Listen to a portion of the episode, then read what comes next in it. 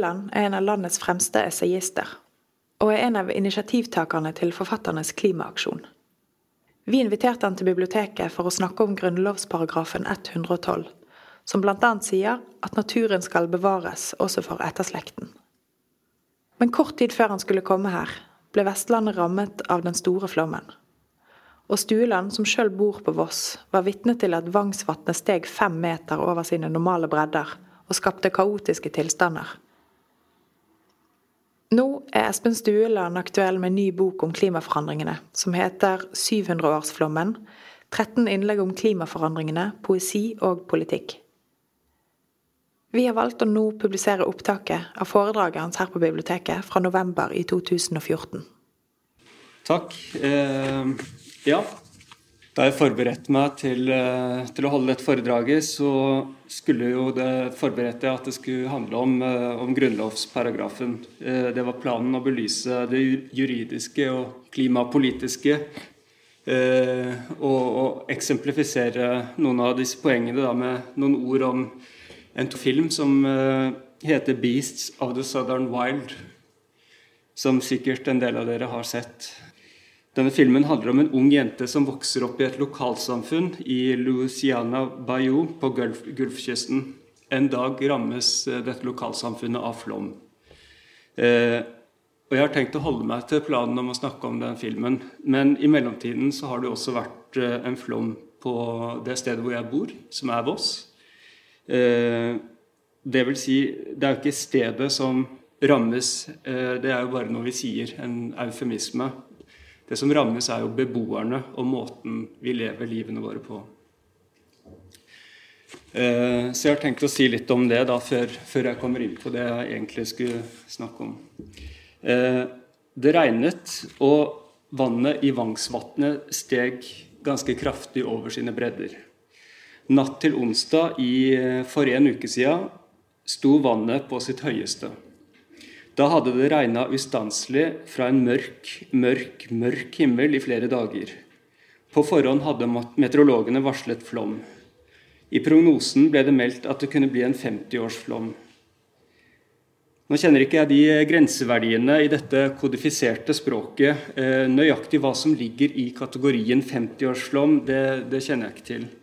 Eh, men vi kan vel være enige om at en 50-årsflom høres ut som noe som forekommer nokså sjeldent. Det er noe en 100-åring eh, skulle kunne oppleve to ganger i løpet av et liv, hvis det er sånn at det er statistisk eh, to ganger, eller én gang hvert 50. år.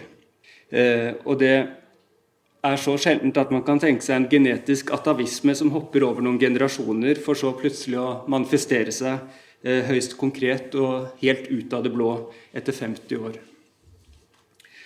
I løpet av natt til onsdag 29.11. ble betegnelsen på all denne nedbøren eh, som bare rant og rant og løste opp bakken og endret bygda, korrigert. Det var ikke lenger en 50-årsflom. Nå het omfanget av vannmassene 500 årsflom. I løpet av et par timer eh, natta til onsdagen så måtte man altså plusse på 450 år for å korrigere bildet av hva det var som egentlig skjedde. 450 år. Eh, hva forteller egentlig slike betegnelser? Trolig forteller de mindre om det historiske enn om at eh, vi famler. Språket kommer til kort når vi rammes av dette uforutsigbare. Det uforutsigbare innebærer ikke bare at meteorologene bommer, at de ikke helt klarer å sette fingeren på rekkevidden av disse skyturbulensene, av varmluften og kaldlufta som kolliderer. Selv ikke dagen i forveien klarer de det. Uforutsigbart betyr også at myndighetene, samfunnet, ikke har tatt forhåndsregler mot at sånt som dette kan og vil skje. Man bebreider meteorologene og NVE for at de bommer med prognosene. Noen skyer for mye gjør oss indignerte. Men hva skal man da si om at myndighetene til de grader bommer i noe som er så mye mer betydningsfullt? Å forebygge og redusere risiko og sårbarhet, eh, slik at infrastruktur ikke ødelegges og i verste fall liv går tapt, det er jo så uendelig mye mer viktig. Regnet og vannmassene kommer med en styrke som altså regnes om til desennier og sekler, i et forsøk på å hjelpe fornuften med å ane rekkevidden av hva dette er.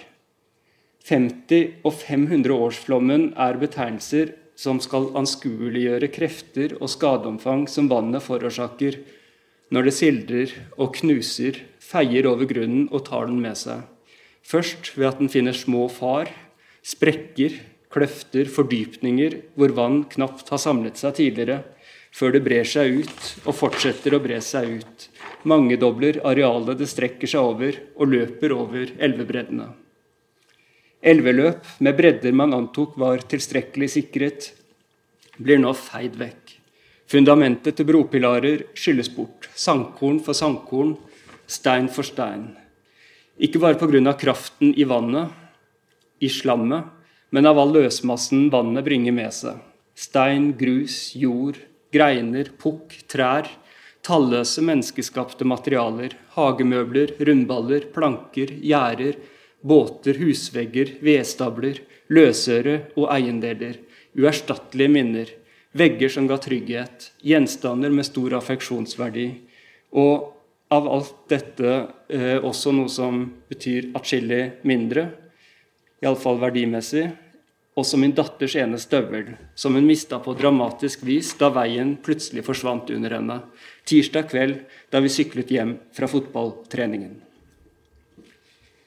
Det ligger til vår natur at vi trenger noe mer enn det blotte sanseinntrykket for også å forstå fenomenet, noe som anskueliggjør. Den narrative oppbygningen av Dagsrevyen kvelden onsdag 29.11. er talende. De første 20 minuttene brukes til innslag om skadeomfanget, sted for sted. Etter 22 minutter annonserer nyhetsankeret Ingvild Bryn, som jo er fra Voss, et innslag der vi skal se hvor mye vann 300 mm regn egentlig er. Reporteren intervjuer en hydrolog ansatt i NVE som jobber med flomvarsel.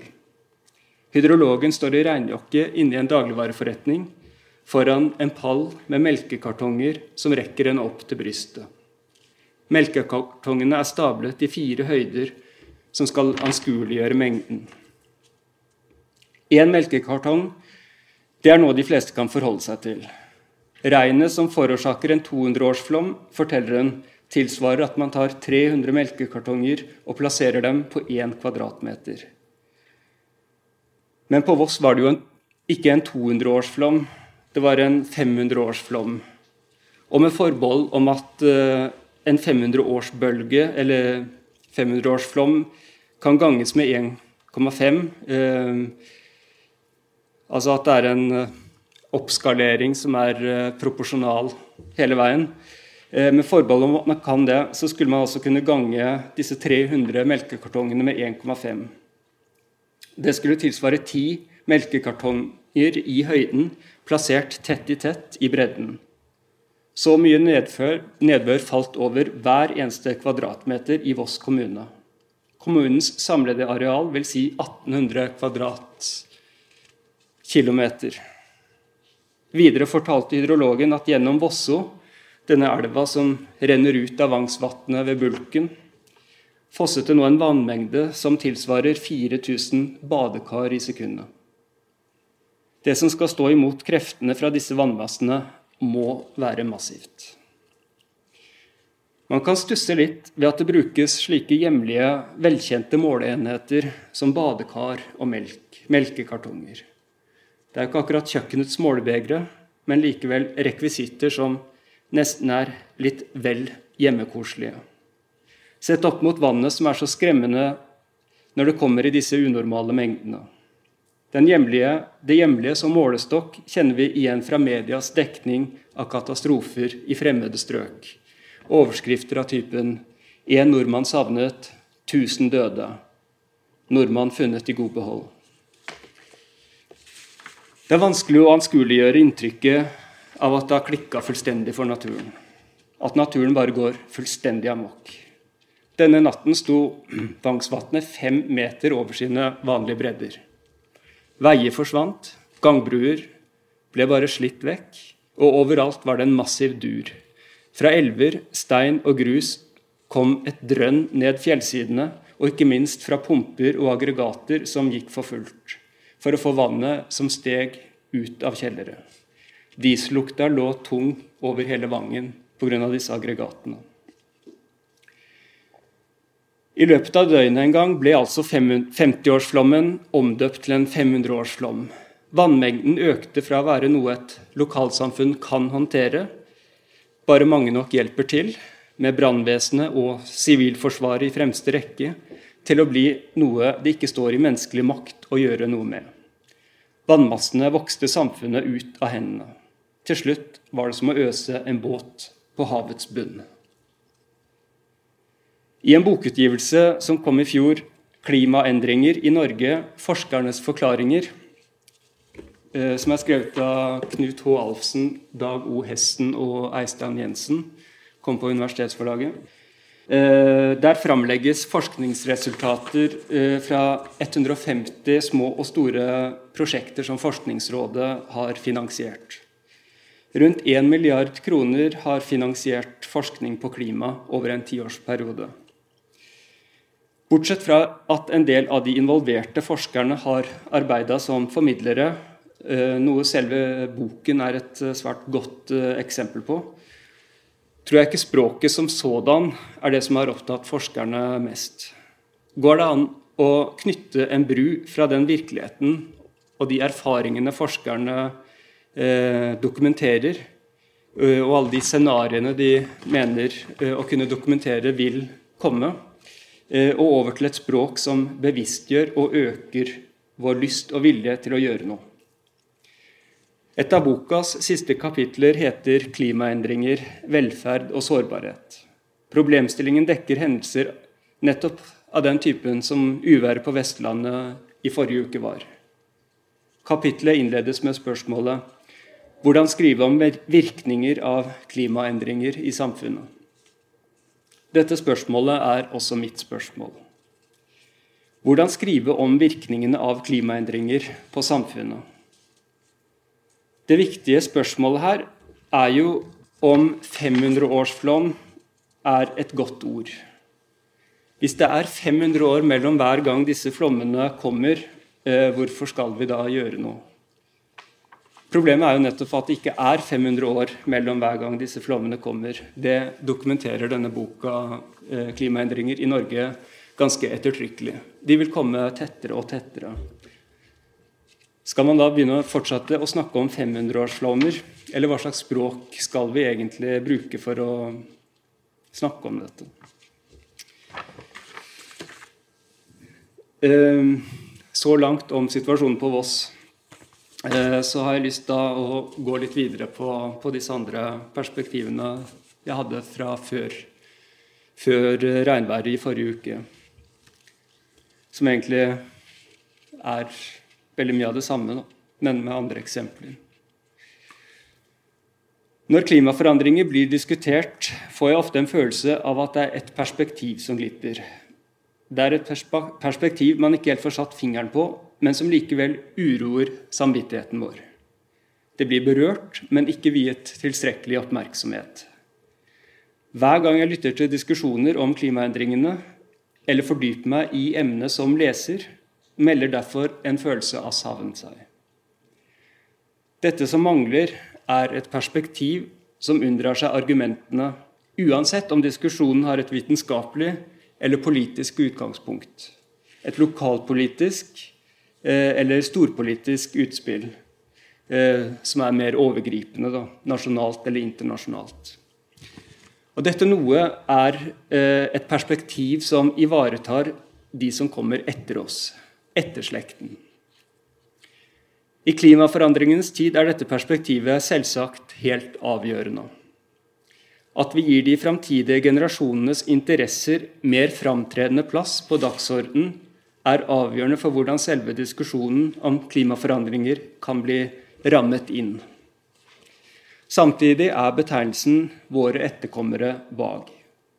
Den sikter, sikter til en befolkning som kan virke både ansiktsløs og som nærmest svever i et tomrom, som riktignok ligner vår virkelighet, men hvor forskjellene er betydelige.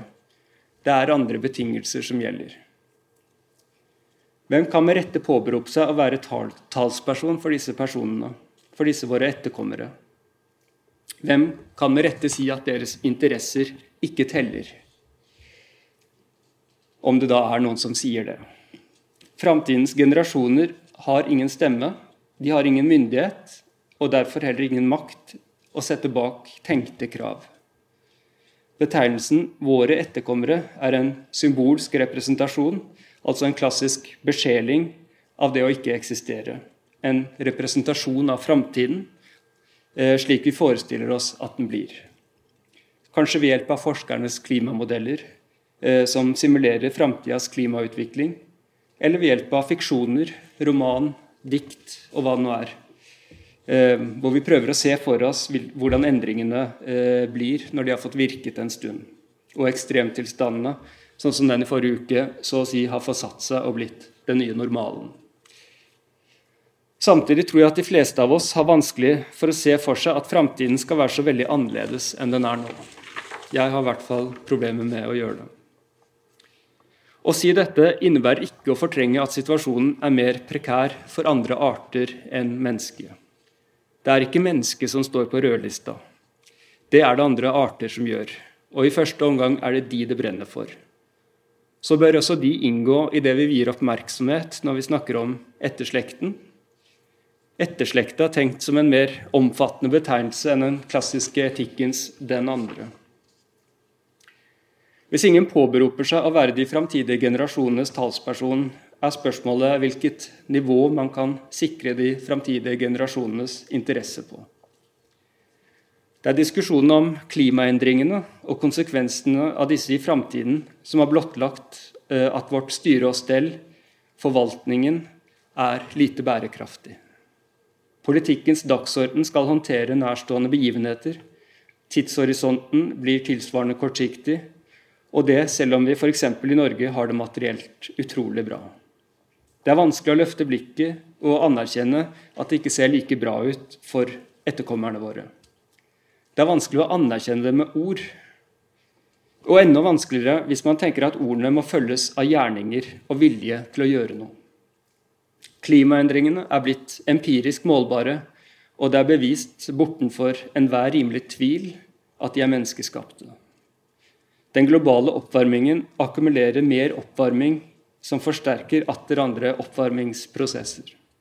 Klimaforskerne kaller dette den onde sirkelen for tilbakekoblingsmekanisme. Et ord som forklarer endringene i den globale temperaturen forårsaket av klimaendringer. Økt global oppvarming forsterker oppvarmingsprosessen fordi jordoverflatas albedoeffekt reduseres. Oppvarmingen blir selvforsterkende. Den blir en konsekvens av en konsekvens. Albedo er et ord for jordens evne til å reflektere deler av sollyset tilbake i verdensrommet uten at det varmer opp jordoverflaten.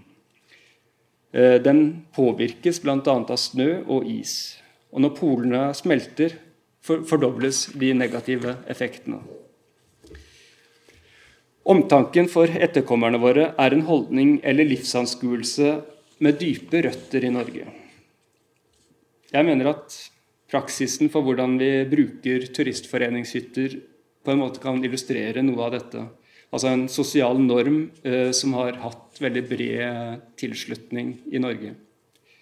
Eh, når man blir medlem av Turistforeningen, så får man en nøkkel som gir tilgang til nesten 500 hytter Norge rundt.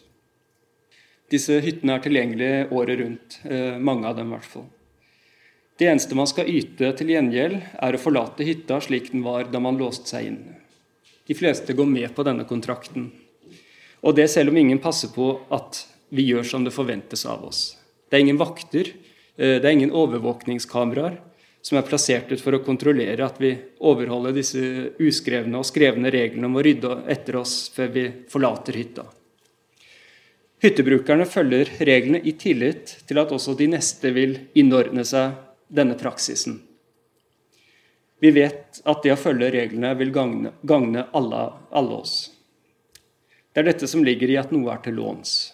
Man kan kalle det en hverdagsversjon av eh, Kants imperativ, som jo lyder eh, litt omskrevet, at man skal handle bare etter den grunnsetning som du vil kan bli en allmenn lov.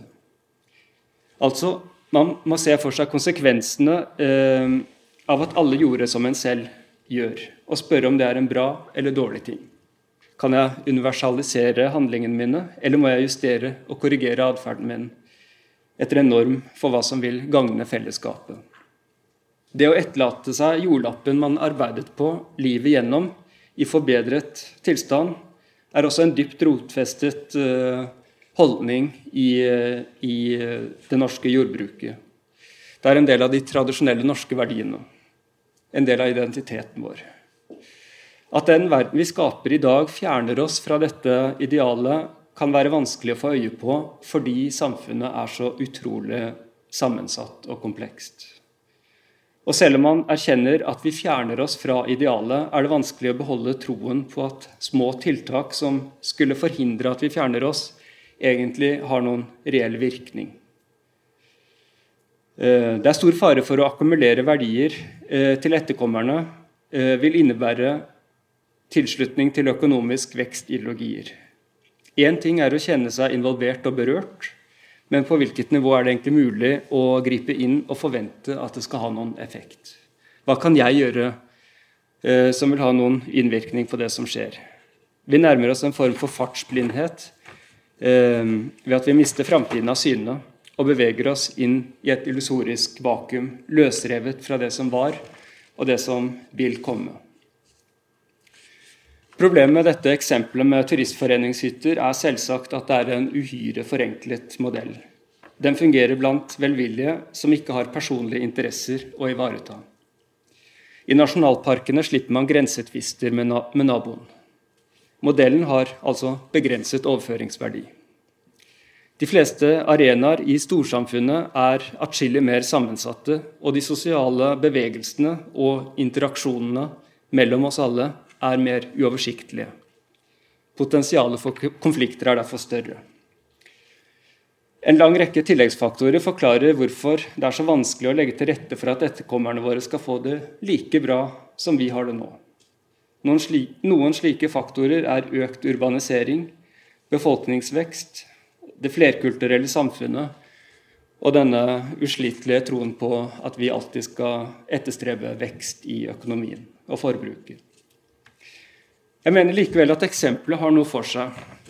Forenklinger kan ha stor forklaringskraft, og de får sin legitimitet gjennom det. Prinsipper og lover for forvaltning av naturressursene er i en viss forstand en storskalamodell for den samme tankegangen. Politikerne våre har lovfestet at forvaltningen skal være bærekraftig og skal komme våre etterkommere til gode. Det er gjort bl.a. i Grunnloven, i dens såkalte miljøparagraf, paragraf 112. Tankegangen er altså ikke bare dypt rotfestet i den norske kodeks, eh, moralen. Eh, den har også formet våre forestillinger om gjestmildhet, eh, og den fins i det juridiske systemet vårt. Vår kollektive historiefortelling rommet en gang et skremmebilde som er kodeksens ytterste motsetning. Alle kjenner jo uttrykket om 'den brente jords taktikk'. Her til lands var det den tyske krigføringen i Nord-Norge eh, som ble bildet på denne ultimate destruktiviteten. De flyktende tyskerne etterlot seg en brannkorridor mellom seg og de jagende russiske soldatene i nord slik at jordbruksarealer, beiteområder, natur og sivilsamfunn lå i aske. Slik maksimerte de ufruktbarhet og sterilitet. Dette ble et symbol på en retrett fra det menneskelige, den brente jords taktikk. Nå er det vi som skaper golde flekker og gjennomsyrer habitater og biosfærer med kjemiske former for roundup i jord, vann og luft. Ifølge FNs foreløpig siste klimarapport, som ble lagt fram for to dager siden, eh, på søndag, altså den femte klimarapporten, eh, så er verden slik vi etterlater oss nå, blitt uopprettelig skadet pga. vårt forbruk av naturressurser. Rapporten slår fast at oppvarmingen av kloden fortsetter. Havtemperaturen stiger, havene forsures. Konsekvensen for deler av det marine livet er ikke særlig bra, og næringskjeder er truet av kollaps. Dette registrerer vi, samtidig som vi hører at de framtidige generasjonenes velstand skal sikres ved at vi åpner nye felt i Nordsjøen og kan fortsette klimagassfesten. De næringspolitiske løsningene er altså mer av det samme. Statoil hadde til alt overmål timet nyheten om Johan Sverdrup-feltet usedvanlig dårlig. De slapp nyheten på mandag eh, i går og hevdet at feltet de skulle håpet å åpne, skulle bli miljøvennlig. Dette er å utvise forakt for fakta, mener bl.a. Rasmussen i Miljøpartiet De Grønne.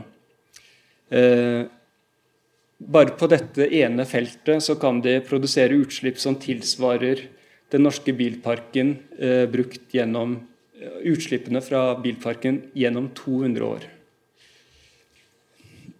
Eh, jeg skal komme litt mer inn på denne grunnlovsparagrafen. Den trådte i kraft i 1992. Da hadde den paragraf nummer 110 b. I mai i år var det et seminar på Universitetet i Oslo hvor eh, en rekke Eh, juseksperter eh, skulle diskutere paragraf 110 b.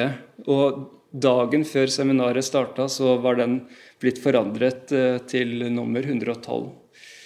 Det var et ganske snodig sammentreff. Og 112 det er jo som sikkert mange vil ha merket seg, også identisk med det nødtelefonnummeret man slår nødanrop til. Grunnlovsparagrafen er et resultat av Brundtlandskommisjonens rapport 'Vår felles framtid' fra 1987. Den viderebringer de sentrale tankene eh, om bærekraftig utvikling. Eh, I den første leddet så lyder paragrafen som dette. Enhver har rett til et miljø som sikrer helsen, og til en natur der produksjonsevne og mangfold bevares. Naturens ressurser skal disponeres ut fra en langsiktig og allsidig betraktning som ivaretar denne rett også for etterslekten. Her fastslås eh, at vi alle har rett til et sunt miljø, en intakt natur som har bevart sin formeringsevne, og at naturressursene forvaltes ut fra et langsiktig perspektiv, slik at det vil komme våre etterkommere til gode. Paragrafen har ytterligere to ledd. Det første lyder sånn. Borgeren har rett til kunnskap om naturmiljøets tilstand og om virkningene av planlagte og iverksatte inngrep i naturen, slik at de kan ivareta den rett de har etter foregående ledd. Eh, så fastslås det at det er staten, eh, statens myndigheter som skal iverksette disse tiltakene. Vi har altså alle rett til miljøopplysninger. Den juridiske ekspertisen har bemerka at paragrafen pålegger staten ulike former for handleplikter og resultatforpliktelser, bl.a. ved å avstå fra tiltak som medfører store miljøskader, og til å ta hensyn til langtidskonsekvenser. En forpliktende følelse av delaktighet forutsetter tilknytning og eierskap. Kanskje bør altså en del av klimaengasjementet kanaliseres inn mot å skape en kollektiv eierfølelse til denne paragrafen. Slik kan man kanskje sikre solidaritet med de framtidige generasjonene. For ingen har eierskapsfølelser overfor hendelser man ikke kjenner til, eller som er eh, helt diffuse for oss, som vi ikke klarer å forestille oss. Det kan også være vanskelig å kjenne ansvaret for hendelser som ligger langt fram i tida. Dette kan forklare den utbredte følelsen av at ansvaret for framtidas generasjoner ikke påhviler oss her og nå. Vi fortrenger risikoen vi løper, på bekostning av etterslekten. Spørsmålet er da hvordan vi vekker til live ansvarsfølelser, og samtidig unngår å tegne fram dystopiske framtidsutsikter eller tar i bruk apokalyptisk retorikk som bare fungerer passifiserende og skremmende. Selv vil jeg peke på to strategier. Den ene tilhører det estetiske feltet. Eh, og jeg vil eksemplifisere den med denne filmen jeg nevnte innledningsvis, eh, 'Beasts of the Southern Wild'. Eh, jeg vil altså tillate meg å bruke litt tid på denne filmen. Den andre strategien er en mer politisk strategi som inngår i et arbeid for å skape bevissthet om grunnlovsparagraf 112. Paragrafen er såpass unik i internasjonal juss at den er blitt trukket fram flere ganger i FNs arbeid. Jeg skal komme litt tilbake til hvordan. Eh, I Norge finnes det en eh, klimapolitisk ungdomsorganisasjon eh, som heter Spire, som jeg gjerne nevner. De arbeider for å opprette det de kaller et framtidsombud. Og I arbeidet deres så står denne paragraf 112 svært sentralt. Men først den estetiske strategien. Zeitlins film 'Beasts of the Southern Wild' fra 2012 er et poetisk, vilt eh, og vakkert filmepos med handlingen lagt til et deltaområde eh, på Gulfkysten. Filmen kan betraktes som en post-orkanen Katarina-film.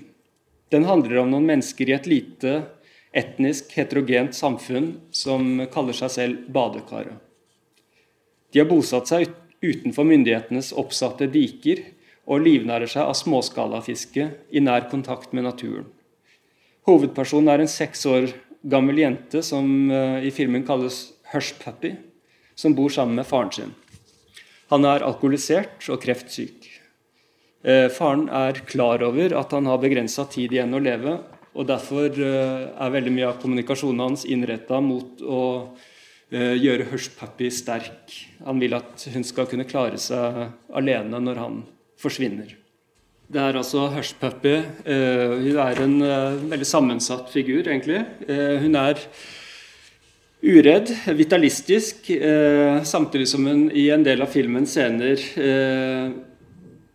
Når de skremmende naturkreftene da utfolder seg, viser at hun forstår alvoret. Hun er et naturbarn som holder alt levende hun kommer over, opp mot øret sitt.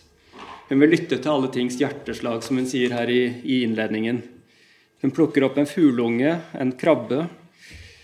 Eh, og jeg mener at det er sjelden kost at en filmkarakter har et så taktilt eh, og sanselig forhold til omgivelsene som, eh, som denne figuren Hush Puppy. I hennes verden henger alt sammen med alt. Hun kunne helt sikkert nikket gjenkjenne til noe Darwin skriver i, i sitt verk om artenes opprinnelse. Eh, han karakteriserer det at alle livsformer springer ut av hverandre, som a truly wonderful fact. Hushpuppy er en rolle som bryter med normen for hvordan barn vanligvis framstilles i amerikanske filmer, og også i vestlige filmer generelt, mener jeg. Mye av det hun kommer over, kunne vært framstilt som noe ekkelt, som noe hun ønsket å trekke seg bort fra. Eh, hun må forholde seg til eh, en hel haug med døde dyr underveis i filmen. Eh, råtnende dyr. Og dette utløser ikke den reaksjonen man kunne forvente. En slags avvisende holdning til at dette er ekkelt. Hun anerkjenner at alt har sin naturlige plass i biosfæren. Og denne totale toleransen er det jo fristende å gi mange navn. Eh, filmen selv gir ikke noe navn på akkurat det. Kanskje mener filmregissøren å vise fram en naturbarntilstand. Jeg kan i hvert fall ikke huske å ha sett en filmkarakter som rekker å berøre så mye levende liv i løpet av en film med sine egne hender. Det er sprellende fisk, levende krabber, kreps og døde dyr. Og Dette gjør henne til en rørende figur. Hun er i en desperat situasjon etter hvert. Eh, men først og fremst viser hun omtanke for omgivelsene sine. Hun sier et sted at alt henger sammen. Denne tankegangen eh, er økologisk. Det er en uh, filosof som heter Timothy Morton, professor i literature and environment ved University of eh, California, som har hevdet at den økologiske tankegangen består i å vise at alt er forbundet. Den økologiske tankegangen, skriver han, er å tenke at alt henger sammen. For Hushpuppy er det barnelærdom at det en dag vil komme en flodbølge. Tidlig i filmen sier hun, som vi så her, en dag vil det bli et voldsomt uvær, og bakken vil synke, og vannet vil stige så høyt at det ikke finnes noe badekar mer, bare en hel masse vann. Dette har hun bl.a. lært av lærerinnen som forteller om kalvende isbreer, eh, om vann som stiger, om urokser og kjempevillsvin som er utdødde. Når hun forteller om isbreenes kalving, eh, så overtas billedruta av autentiske bilder av kalvende breer. Visuelt er kontrasten mellom disse turkise, skitne isbergene eh, og det tropiske deltalandskapet helt enorm. Det er en veldig, veldig sterk virkning. Eh, og det tilfører et element av dokumentarisme, tror jeg man kan kalle det. I, i kontrast til de poetiske, eh, mer drømmeaktige sekvensene som viser disse liksom for historiske kjempevillsvinene i langsom film. Altså, de står for trusler, men også det som allerede er gått tapt. Så En dag eh, så skjer det som må skje. Det kommer en gutt løpende gjennom landsbygda her og roper 'Stormen kommer, stormen kommer'. Vi ser at vannet stiger og oversvømmer hele området. Vinden fillerister bungalowen som Hushpuppy bor i. Eh, og dette er veldig skremmende naturkrefter. Det fins ingen gjemmesteder. Eh, fem meter eh, var den bølgen på Voss, men der har vi jo fjellsider å, å trekke opp i. Her er det et eh, flatt deltalandskap. Man må over i flytende farkoster for å komme, komme, seg bort, eller man må over på den andre siden av dikene. Man ser Hushpuppy eh, som puster tungt. Eh, hun gjemmer seg. Eh, hun, hun, søker intenst etter et eller annet sted hvor hun kan gjemme seg, men det fins jo ikke. Så de søker tilflukter da i båter. Eh, et stort spørsmål når man ser denne filmen, er jo hvorfor eh, disse anarkistene eh, De er jo litt sånn hippieaktige. Hvorfor, hvorfor kan de ikke bare bo sammen med, med de andre vanlige innenfor de trygge dikene? Ansatsene til den samfunnsrefsen er jo, er jo med innledningsvis der. Den velordnede sivilisasjonen rager med sin cityscape av fabrikker og høye, rykende piper. Det er jo en klassisk dikotomi, dette. Et visuelt tablå med mye forklaringskraft. Myndighetene er også representert ved det føderale politiet, som kommer og leter etter beboerne når stormen har stilnet.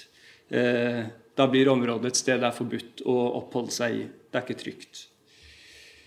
Filmen besvarer ikke dette spørsmålet, og jeg mener at uh, dikotomien også løser seg opp. Blir så, det blir ikke så svart-hvitt som det kanskje kan virke når man ser de første fem minuttene. Det blir mye mer komplekst etter hvert. Uh, men det handler selvfølgelig om uh, forbrukersamfunnet og en kritikk av det. Men det er ikke så enkelt heller. Og de blir til slutt hanket inn av storsamfunnet. Eh, filmen beskriver et nødens fellesskap. Eh, den får tydelig fram at barn er spesielt sårbare i kritiske situasjoner. Den viser barns sårbarhet når klimaforandringene skaper kritiske tilstander og autoritetspersonene svikter. Jentas far forsvinner. Hushpuppy må klare seg på egen hånd. Når han seinere kommer tilbake etter å ha forsvunnet lenge, så er han ikledd en sykehustrøye Eh, han er oppfarende, fortvilet og helt tydelig i psykisk ubalanse. Han har vært til behandling, eh, antageligvis ikke bare for kreften, men, men eh, også psykiske problemer. Og dette blir for mye for Hushpappy. Den kruttønne-energiske jenta gjennomgår erfaringer som ikke noe barn kan håndtere alene. Autoritetspersonene inntar bare delvis rollen som trygge og kjærlighetsfulle forsørgere. Og dette mener jeg er eh, det nyskapende i denne filmen, hvis det er noe nyskapende i den. Et stykke ut i filmen legger Hushpuppy og tre andre barn ut på en ekspedisjon for å finne mødrene sine. De legger i vei først ved å svømme, bare rett utover, eh, med én badering på deling. Det er et idiotisk prosjekt, selvfølgelig, eh, og de blir plukket opp av en fisker. Og det ligger noe veldig truende under scenen. Hva slags eh, type er denne fiskeren? Vil han barna godt? Eh, det er ganske tvetydig. Så kommer de fram til dette de har sett langt i det fjerne, et, fyrtårn som blinker. Og som viser seg å være et eh, flytende bordell som kalles Elysian Fields. Her møter barna kvinner som de projiserer sine lengsler etter en myk og trygg favn i, en mor. Barna danser og klynger seg fast til disse eh, faste, voksne kvinnekroppene. Men hele oppholdet på Elysian Fields er drømmeaktig, og det kan tolkes som en nedstigning til underjorden. Det må det jo, fordi de elyseiske markene er jo den greske betegnelsen på, på underjorda. Så det er en nedstigning til underjorda. Eh, jeg mener at filmen fornyer et velkjent motiv i litteraturhistorien. Helten som utsettes, utsettes for prøvelser om å finne ut av hvordan overleve i en ekstrem situasjon. Motivet finnes i litteraturen fra tidenes morgen og er et av vår tids, eller vår kulturs mest grunnleggende plott. Her er det klimaforandringene som gir rammen for dette plottet, og den setter tre sosiale institusjoner opp mot hverandre. Familien som enhet, det motkulturelle småsamfunnet og storsamfunnet som har voldsmonopol og forvalter lov og rett. Eh, klimaperspektivet tilfører en uvanlig framstilling av institusjonenes rolle og plass. Og Ved å gjøre dette så befinner den seg plutselig veldig langt fra Hollywood-dramaturgien. Her er ingen avsluttende forsoning som etterlater en emmen smak i munnen for de som ikke er så glad i denne Hollywood-dramaturgien. Filmen verken idylliserer barns overlevelsesevne eller fratar publikum håpet om at den tross alt fins. Filmen levner ingen tvil om at barn er spesielt utsatte i katastrofesituasjoner. Og den viser også at fattig og rik har brutalt ulike muligheter til å håndtere krisene. Filmens tema er svært aktuelt. Eh, I 2010 kom det en rapport som eh, heter 'Child Rights and Climate Change Adaption'. Den viser at når klimaendringene rammer lokalsamfunn, er barn og kvinner de som er mest sårbare. Rapporten understreker at de framtidige generasjonenes behov og interesser fortjener å komme høyere opp på den politiske agendaen. Den beskriver barns erfaringer i Kenya eh, i en periode da det ikke hadde regna på tre år. Eh, og en annen eh, gruppe var barn i et strøk i Kambodsja eh, et jordbrukssamfunn som var rammet av helt ekstreme nedbørsmengder. Så begge lokalsamfunnene ble helt satt ut av spill. Både i Kenya og i Kambodsja ble avlingene ødelagt, og folk sultet. Tilgangen på drikkevann var knapp. Inntektskildene forsvant. Eh, de hadde vært basert på jordbruk. Mangelen på mat og drikke gjorde at eh, barnas rett til overlevelse Eh, beskyttelse og grunnleggende trygghet ble svekket. De usikre innkomstene medførte at mer tid måtte å, måtte investeres i arbeid, sånn at de kunne opprettholde grunnleggende livsbehov. Dette gikk på bekostning av skolegangen. De sultet og ble syke, og de ble eksponert for forskjellige former for utnyttelse, bl.a. tilbud om seksuelle tjenester i bytte mot mat muligheten til å påvirke deres egen situasjon, eh, til å bli hørt eller sette makt bak krav om hjelp, eh, den sto svakt, eller den opphørte fullstendig. Rapporten foreslår at barns rettigheter må endres nå i disse klimatidene. Og det må skje på to nivåer. For det første at barns rettigheter må integreres i internasjonalt arbeid for å imøtekomme klimaendringene. Og for det andre må det tas høyde for konsekvensen av klimaforandringer i nasjonale barnerettigheter. Eh, og med dette er jeg jo inne på eh, det jeg mener med en politisk paragraf 112-strategi. Eh, kampen for barns rettigheter og krav om at våre etterkommere må anerkjennes, føres både internasjonalt og i Norge. Her i Norge arbeider Spire, som nevnt, for et forslag om at Stortinget skal opprette et eh, framtidsombud. De har laget en egen utredning som heter 'Framtida teller nå'. Hvis dere går inn på Spire sin hjemmeside, så vil dere mm, ganske kjapt finne fram til denne utredningen, som er veldig lesbar. Jeg anbefaler den.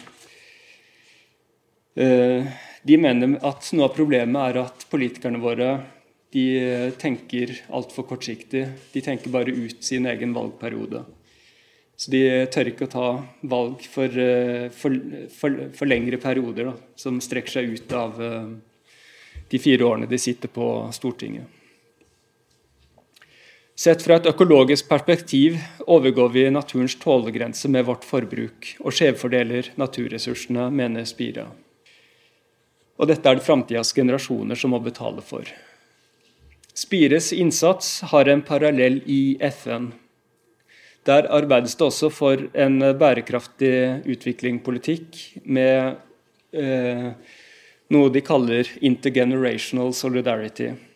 Eh, de vil sikre at framtidige generasjoner får sine grunnleggende behov anerkjent. Og de vil at en høykommissær skal opprettes for å, for å sikre dette.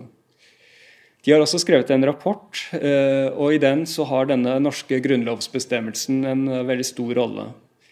Eh, de trekker den fram som eh,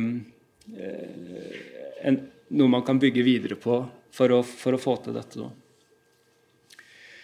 Eh, det finnes med andre ord en ganske stor enighet om at dette er, et, rettigheter som må sikres. Etterslekten er en kategori som både uh, er juridisk sterk etter hvert, og, og, som man kan arbeide for på, på andre måter. Da. Men samtidig er de i en viss forstand helt rettsløse, i og med at de, de fins ikke. De har ikke juridiske rettigheter. Eh, Filmer som 'Beasts of the Southern Wild' og andre kunstverk som skildrer den svake eller skadelidende parten, eh, kan mobilisere en empati som stiller seg bak arbeidet for en slik intergenerational solidarity. Her kan en politisk og estetisk eh, agenda eh, kanskje møtes. Det estetiske bidraget visualiserer og levendegjør bilder av hvordan liv kan leves etter klimaforandringene. Ja, det var det jeg hadde. Du har lyttet til en podkast fra Bergen offentlige bibliotek. Tidligere episoder av podkasten vår finner du bl.a. på bergenbibliotek.no eller i podkastappen din. Hvis du likte det du hørte, så setter vi stor pris på om du deler det med de du kjenner.